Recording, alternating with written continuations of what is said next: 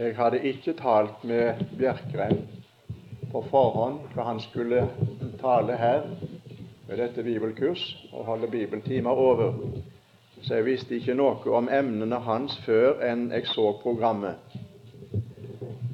Men eh, jeg tror det at disse to emner som vi nå skal ha for noen av dette kurs, er med å utfylle en annen.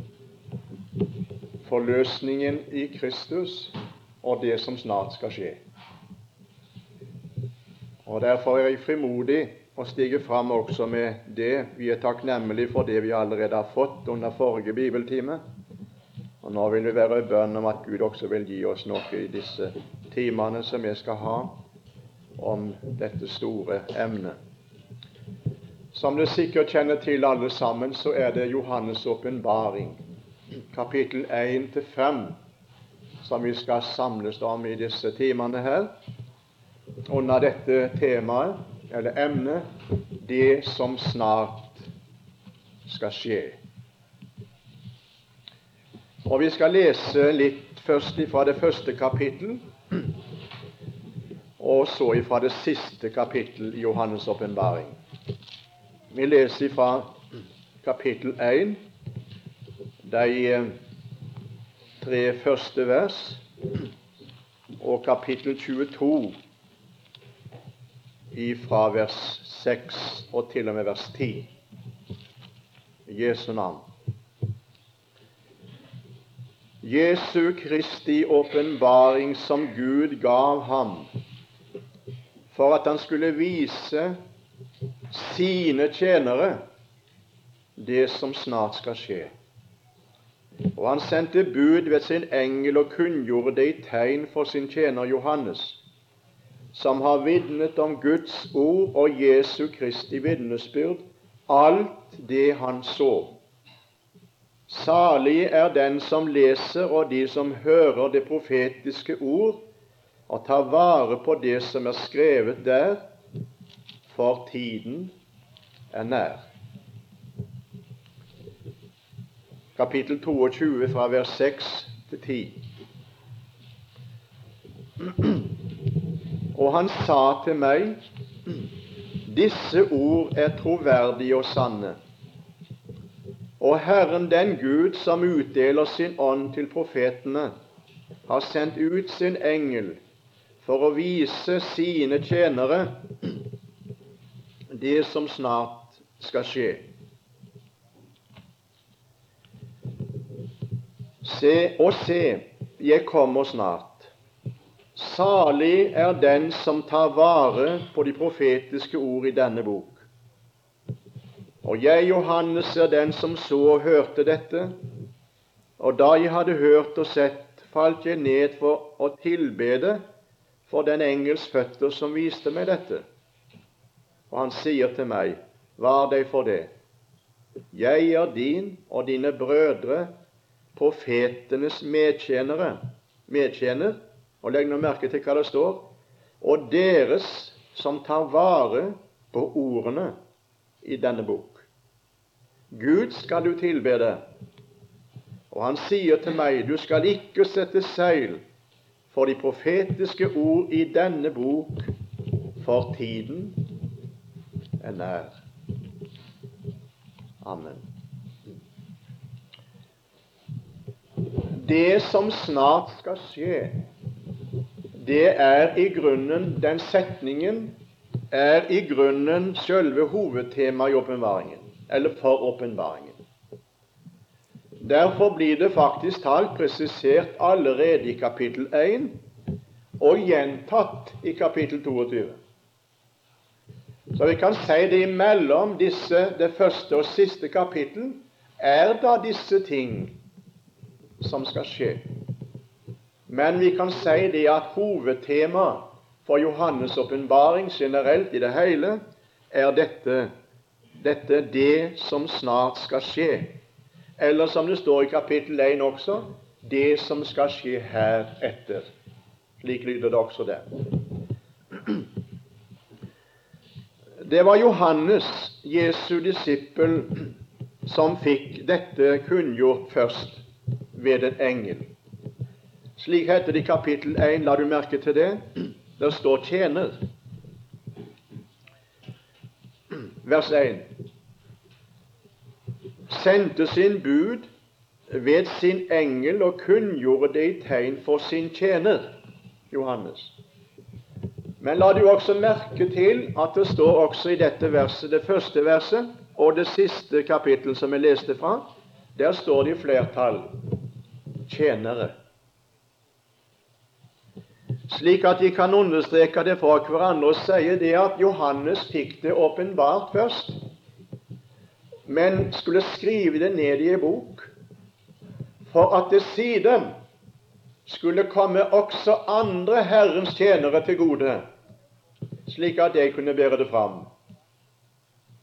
Og La du merke til også det jeg leste, at vi særlig understreker, nemlig dette at det står at engelen som viser disse tegn og viser denne bok, eller innholdet i denne bok for Johannes, han sier 'Jeg er din og dine medbrødres tjener'. Men så sier han 'og alle dem som tar vare på de profetiske ord i denne bok'.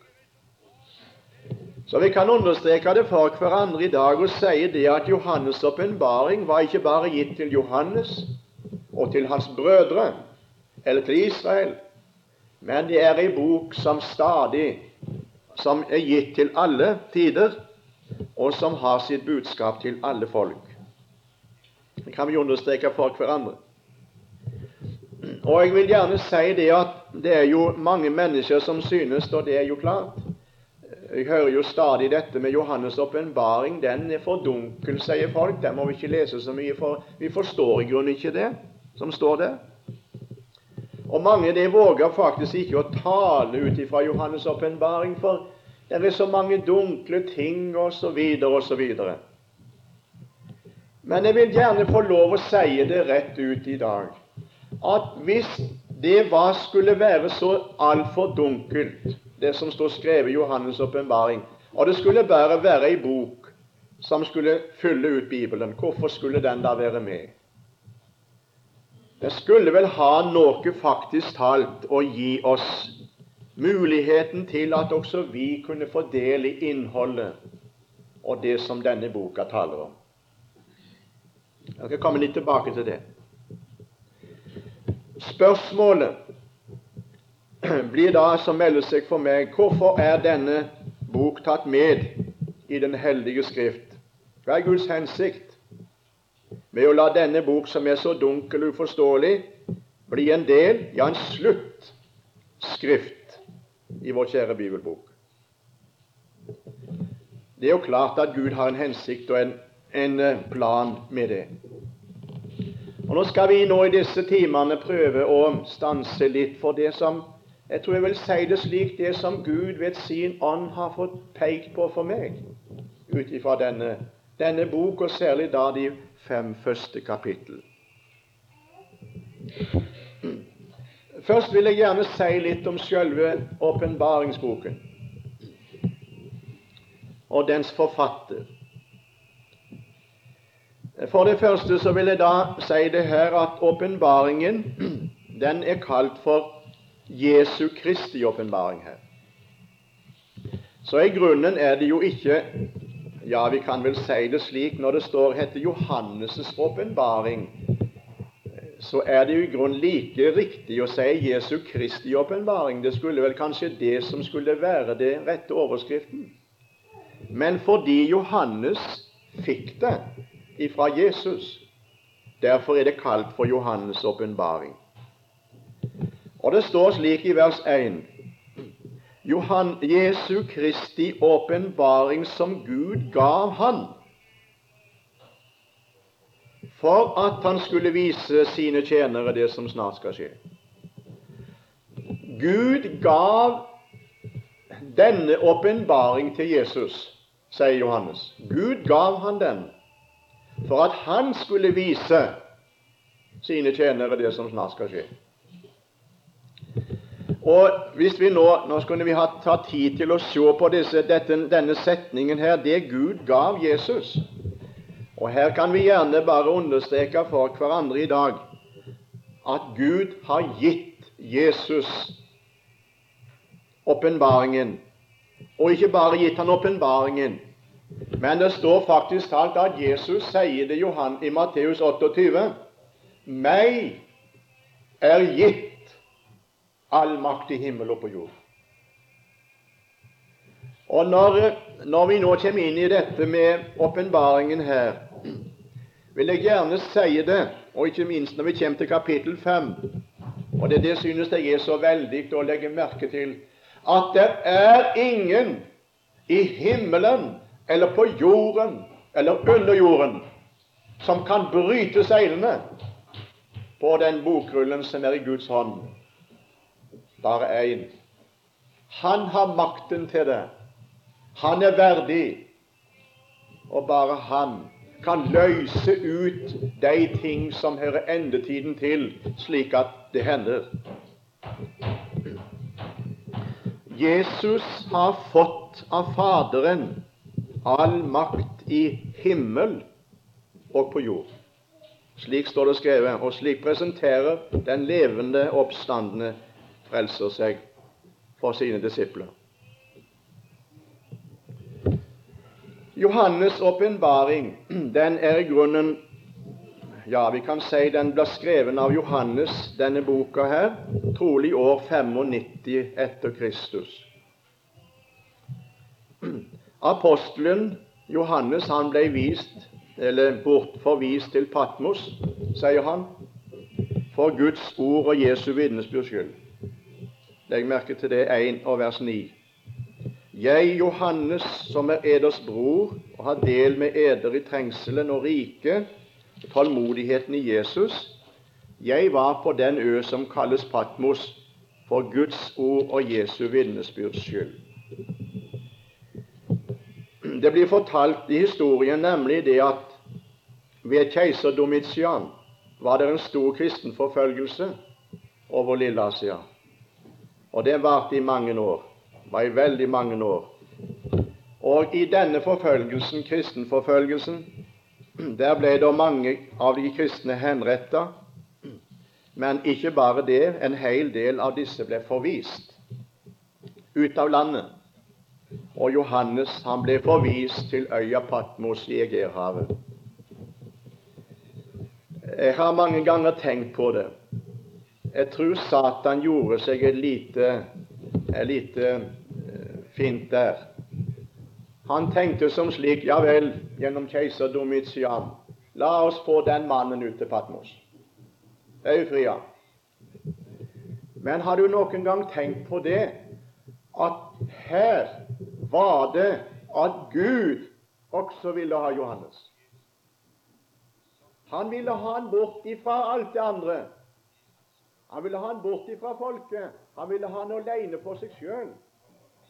Og her ute på øya Patmos var det at Johannes får denne, dette vidunderlige budskap, får møte Jesus som den herliggjorte frelser, og få denne åpenbaringa fra Jesus og skrive den ned i ei bok og gi den til menighetene og gi den til oss. Så det ser ut for det at, at det som så ut til å begynne med å være en en forferdelse, det ble til en velsignelse. Vi fikk denne boka her, og hadde vel ikke fått den uten at Johannes var ute på Patmos og fikk åpenbart den av Herren Jesus sjøl. For det tredje det, Når vi leser Johannes' åpenbaring, så kan vi understreke det for hverandre at det er Bibelens siste bok. Det vet vi. Den er ikke bare Bibelens siste bok, altså den boka som vi har her. For den, Bibelen var nemlig ikke samla den gangen, det vet vi. Den er kommet som den siste boka i Bibelen vår. Men jeg vil gjerne understreke det for hverandre og for meg sjøl og for dere i dag, nemlig det at Johannes' åpenbaring er den siste profetiske bok. Det må vi understreke. Det skal ikke komme noen nye profetiske bøker. Denne avslutningen på det profetiske budskap som Gud gir for sin himmel til oss mennesker på denne jord. Og det er det som er så alvorlig, venner, nemlig at det er mennesker som kommer fram med sine profetier, også i vår tid, og sier dette dette har jeg fått som profetisk budskap fra Gud. Det er et profetisk budskap. Og så tales det om endetiden, og så tales det om kriger. Og så tales det om så mange ting som de mener skal skje, og som Gud har åpenbart skal skje i framtiden.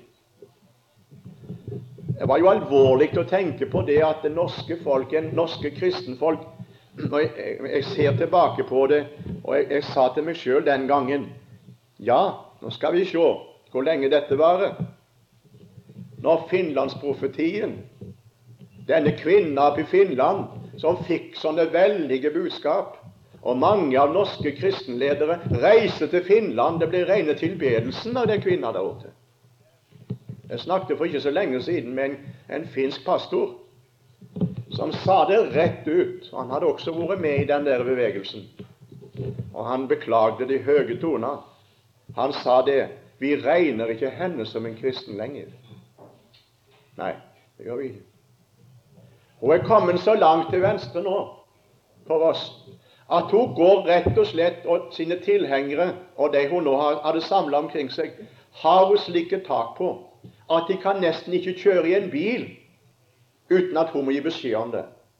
De kan ikke ete av forskjellige matsorter fordi at hun har sagt det der er gift, det er farlig. Og hun sier det rett ut. Det fortalte han meg. Jeg kan bare nevne det her. Dere kjenner vel til det, dere som er eldre iallfall. Hun sier de har ikke lov Dette er hans egne ord. De har ikke lov å prøve mine budskap på Guds ord, for det er Guds ord. Nå kan du skjønne hvor langt vi er kommet. Det sier denne kvinna som uh, mente det at det var og, og, og, og, som flere kristne ledere her i Norge og kristenfolk her i Norge synes det var veldig, disse budskapene som hun kom med. Ja, jeg aldri, var aldri sikker på det der greiene. Jeg må si det. Jeg var veldig engstelig når jeg leste disse forskjellige profetiene fra Finland. Hvis vi nå slår opp kapittel 22, så står det en veldig dom. En veldig dom her. Og det gjelder, det gjelder, jo Bibelen generelt, men det gjelder åpenbaringen spesifikt. Det gjør det. Spesielt. Og Det står slik i kapittel 22, vers 18 og 19. Jeg har ofte lest det der og hørt andre har lest det også og forkynt det. og det, det tales det om, om Bibelen generelt. Men venner, du, kan, du må legge merke til at det er spesielt Johannes' åpenbaring. Jeg vitner for enhver som hører de profetiske ord i denne bok. Altså, Bibelen var jo ikke samla den gangen, så det kan ikke si 'i denne bok Bibelen'. Enda vi kan bruke det og si noe det, må ikke, det, må ikke, det gjelder jo hele Bibelen. Men legg merke til i denne bok. Dersom noen legger noe til dette, da skal Gud legge på ham de plager som er skrevet i denne bok. I denne profetiske bok. Og dersom noen tar noe bort fra ordene i denne profetiske bok, da skal Gud ta bort fra hans del eh, bort, fra bort hans del fra livsens tre og fra den hellige stad som det er skrevet om i denne bok.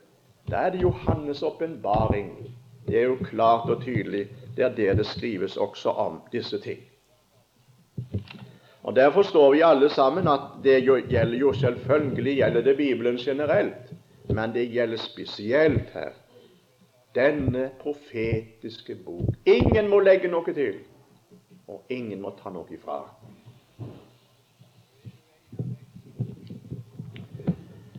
For det fjerde, bare nevne det innledningsvis Åpenbaringsboken, uh, det er tegnenes bok. Og det er derfor, venner, at det er så mange mennesker som, som faktisk talt eh, ikke våger seg til å lese og studere det som står i denne boka, fordi det er skrevet i tegn. Det heter jo det mm, kunngjorde det i tegn for sin tjener Johannes. Det er tegnenes bok. Det kan vi også lese i kapittel 22 og vers 6 og 8 og 9. Der står det, og det forstår vi også alle sammen, det er tegnenes bok. Og Jeg vil gjerne også si det er jo klart at når vi leser f.eks. kapittel 13 om Antikrist, der han sammenligner med dyret som stiger opp av havet Det er jo klart at Johannes han ser et dyr som stiger opp av havet. Så sier han hvordan det ser ut. Det er jo ikke et dyr, men det er jo klart hvis vi leser Bibelen ellers, så forstår vi det at det er Antikrist. Dyret, den samme som Daniel så i Sibo, og skrev om i Sibo. Så det er jo tegn. Det er Antikrist som stiger opp av folkehavet. Det er jo klart. Lederen, forføreren fra djevelen. Eller kapittel 17, bare for å nevne et slikt eksempel. Kvinner som set på dyret som vi kaller for skjøgen, Babylon. Ja, Det er jo klart at det, det er jo ikke det er jo ikke ei kvinne som sitter på et dyr. Men eh, det er ingen tvil i mitt, eh, mitt hjerte iallfall at det er frafallskirken. Det er den, det er den, eh, den åndelige ledelse som Antikrist kan tolerere. Den sitter på dyret den falske menighet, den falske kirke, den falske, det falske budskap. Så det er tegnenes bok. Men eh, jeg tror det for min del at Guds ånd han vil vel også operere gjennom disse bladene. Og derfor, venner, er det også viktig at vi som Guds folk leser og studerer det som står skrevet her, også i denne bok. Derfor heter det faktisk talt, og jeg vil gjerne understreke det her ved innledningen til disse bibeltimene, nemlig dette at det står jo her i kapittel 1 vers 3 Salig er de som leser, og de som hører det profetiske ord, og tar vare på det er salig, for tiden er nær. For det femte vil jeg nevne også det, og det er eh, en vidunderlig tanke. Innledningsvis vil jeg nevne det, nemlig at åpenbaringen er en åpen bok. En åpen bok. Legg merke til hva det står i kapittel 22 og vers 10.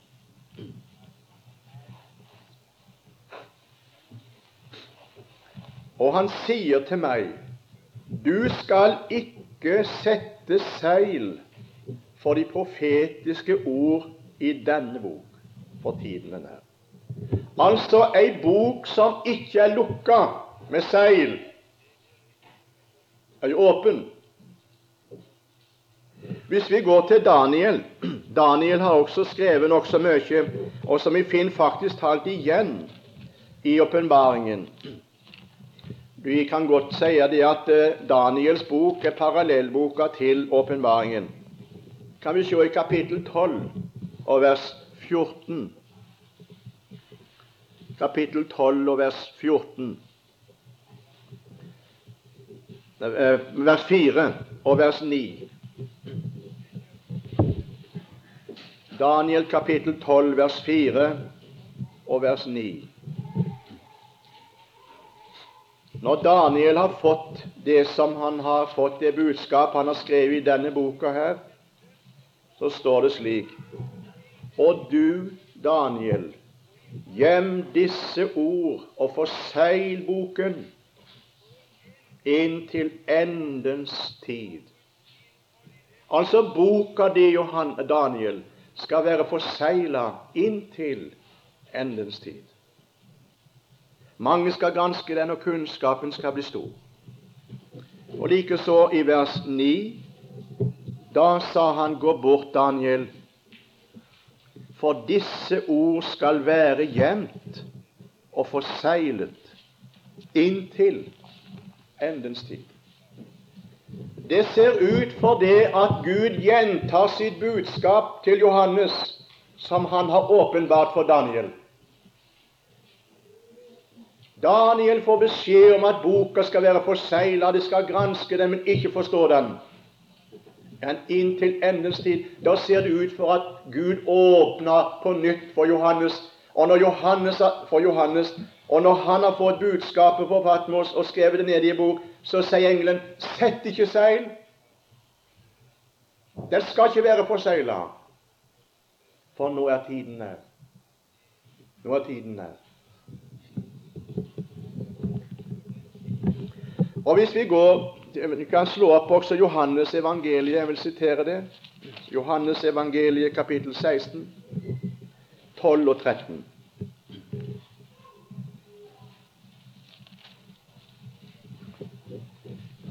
Jeg vet ikke jeg om, om ikke det er disse ting som Jesus nevner, og, og, og, og, som det ligger bak disse ordene her, når Jesus sier det slik Ennu har jeg meget å si dere, men dere kan ikke bære det nå. Men når Han, sannhetens ånd, kommer, skal Han veilede eder til hele sannheten for han skal ikke tale av seg selv, men det som han hører, skal han tale. Og så står det Og de tilkommende ting skal han forkynne der. Jeg tror det ligger også innfletta dette som vi nå skal tale med en annen om. Og det kan godt være det at det som Jesus ikke kunne tale til sine disipler om, men som Ånden nå skal veilede til, det er disse ting som også har med avslutningen å gjøre. Og ikke minst dette med bortrykkelsen av Jesu Kristi menighet. Det ser ut for at det er sider ved den ved siste ting som Jesus ikke kunne åpenbare for sine disipler. Og Derfor heter det i, Det står nemlig i Efeserbrevet kapittel 3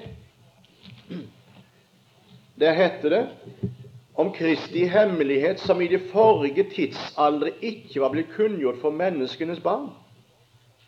Altså, det er ting som ikke har blitt kunngjort i de forrige tidsaldre, men som nå er blitt åpenbart for Hans hellige apostler og profeter i ånden. Det skal vi komme litt tilbake til når vi snakker om, om bortrykkelsen. Og Går vi til kapittel 14 og vers 26 hos Johannes, så finner vi også der et uttrykk. Og Dette gjelder særlig det gjelder i grunnen alle ting som Jesus har lært, som Den hellige ånd skal peke på. Og Jeg vil gjerne understreke det i dag også, fordi det er veldig viktig for meg. Jeg gjør det så ofte jeg kan. Og jeg vil gjøre det enda mer heretter. For det ser slik for meg iallfall at Den hellige ånds primære oppgave blir undervurdert i dag.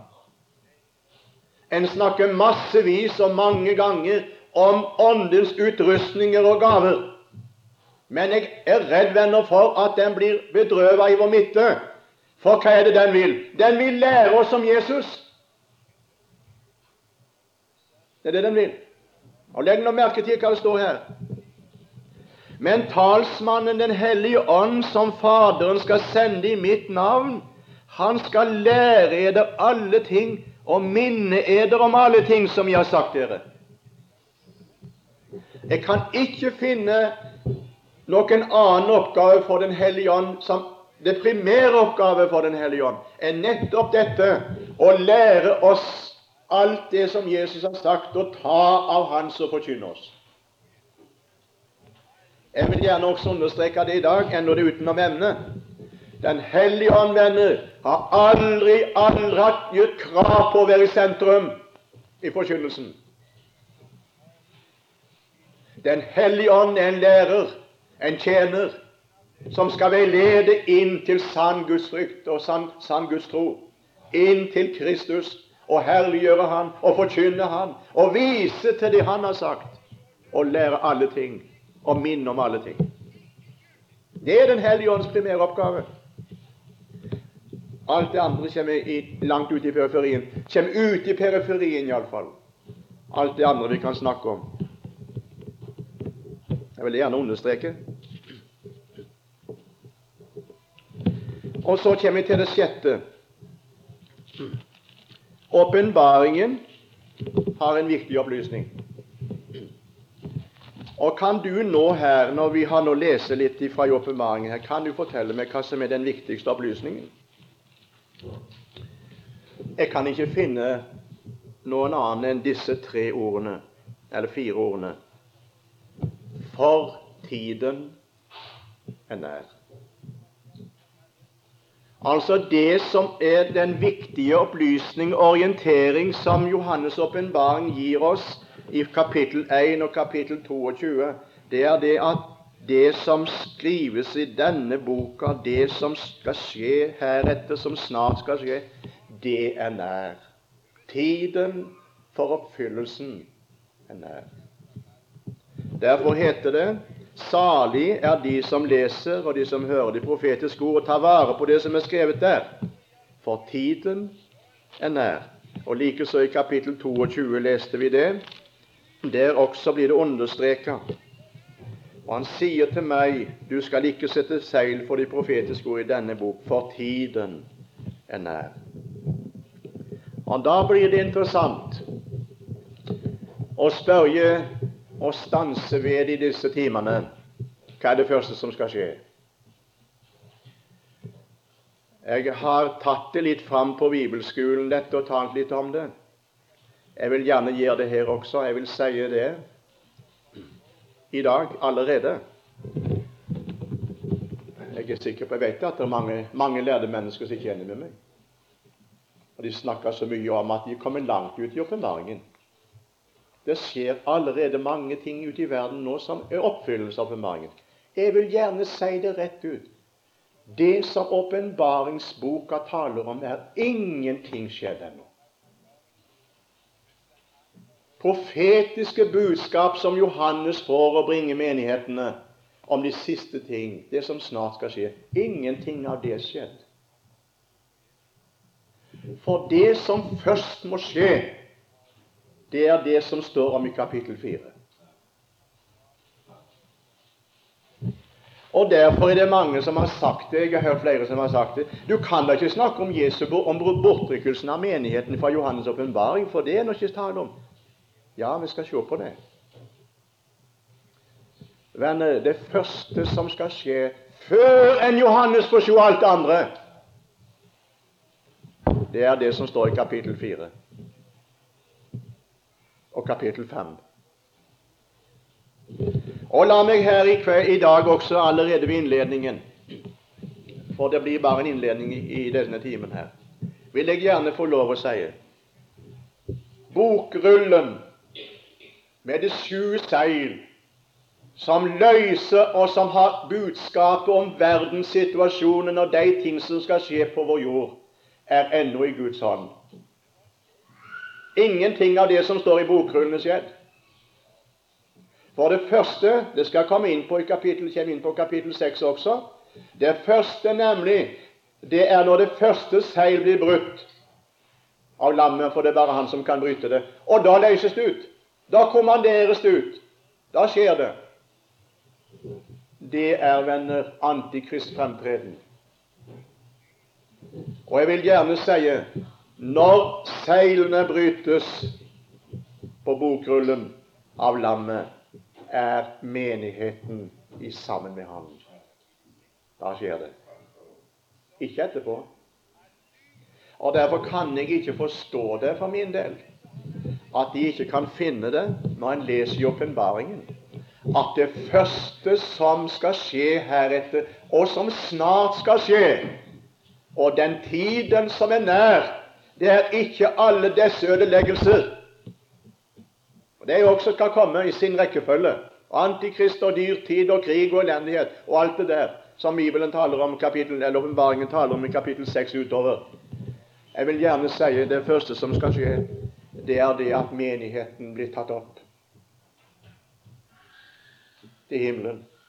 Johannes får se de 24 eldste sitte på 24 troner. Det er et syn. Og du, hvor vidunderlig det er. Og så hørte vi også i forrige bibeltime når de synger om du som kjøpte oss til Gud med ditt blod. Venner, det som skal skje først, før enn alt det andre løses ut. Og så vil jeg slutte med det siste her, og det, om du dermed vil ta det med, selve åpenbaringsbokens inndeling. Jeg fortsetter i ettermiddag å tale om dette emnet vårt. Vi kan dele Johannes' åpenbaring opp på denne måte. Det har nemlig to hoved, hovedbudskap. Hoveddeler, kan vi si.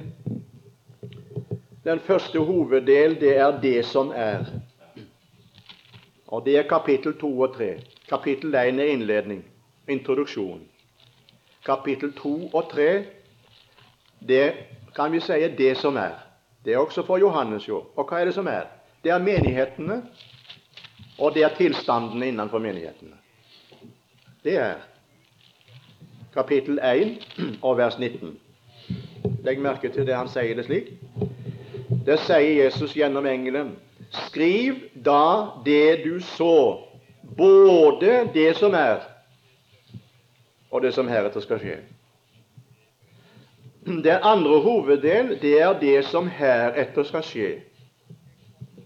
Og vi kan si det at det er faktisk talt så å si størsteparten, den største delen av Johannes' åpenbaring, fra kapittel 4 til kapittel 22, vers 5. Da har du hele spekteret. Fra kapittel 22, 6 til 21 avslutningsord. Så her, venner, her er det den siste hoveddelen som dominerer. Men vi skal likevel ta med oss den første også, og si litt om det som er.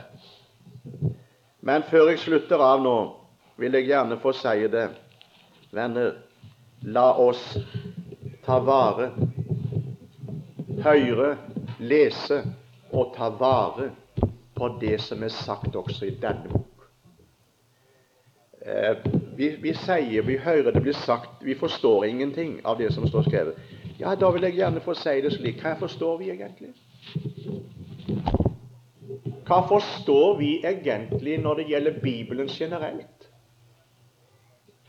Derfor synger vi en sang. Vår formørkede forstand kan jo ikke sannhet kjenne uten din, den gode ånd, vil sitt lys i oss tenne. Og derfor, venner, er det ingen av oss som av oss sjøl heller kan få se sannheter og tilegne oss sannheter og ta vare på sannheter i denne profetiske siste bok i Bibelen, uten at Den hellige ånd også vil gjøre det levende for våre hjerter.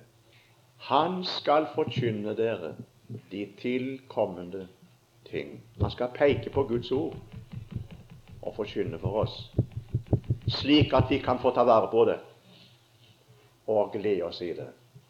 Gud signe oss. Vær i bønn også for disse timene. Jeg ville gjerne at den røde tråd skulle også gå gjennom det vi forkynner her, og det skal den gjøre. For det er Guds ord med den røde tråd som vi hørte så fint om i første timen her, nemlig du som kjøpte oss, og til Gud med ditt blod. Det synges det om i himmelen. Menigheten, det også skal vi synge om når vi kommer dit. Det som snart skal skje. Herre, så er vi kommet så langt men Herre, det er ting som du gjerne vil peke på for oss, også gjennom åpenbaringen. Og jeg vil be deg, kjære Frelser, om at det måtte forbli slik at vi i sammen her kunne få oppleve og få en større Kristusforventning. Og Herre kunne få se mer oppover med med, med glede til den dagen som er nær, da du skal hente oss hjem til deg.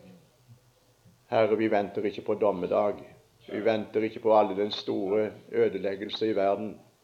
Men vi venter på at det skal ropes til oss fra himmelen. Herre, stig opp her. Og vi venter på at tyngdeloven skal oppheves. Herre, da ditt folk skal flytte opp i skyer i luften for å møte deg. Herre, vi venter på denne bortrykkelsen. Og vi vil be om at vi må få lov å se det, Herre. At det er det først og fremst som ditt folk, og som din menighet på jord, din brud, skal få lov å vente på. Og signer du dagen videre og timene i Jesu navn. Amen.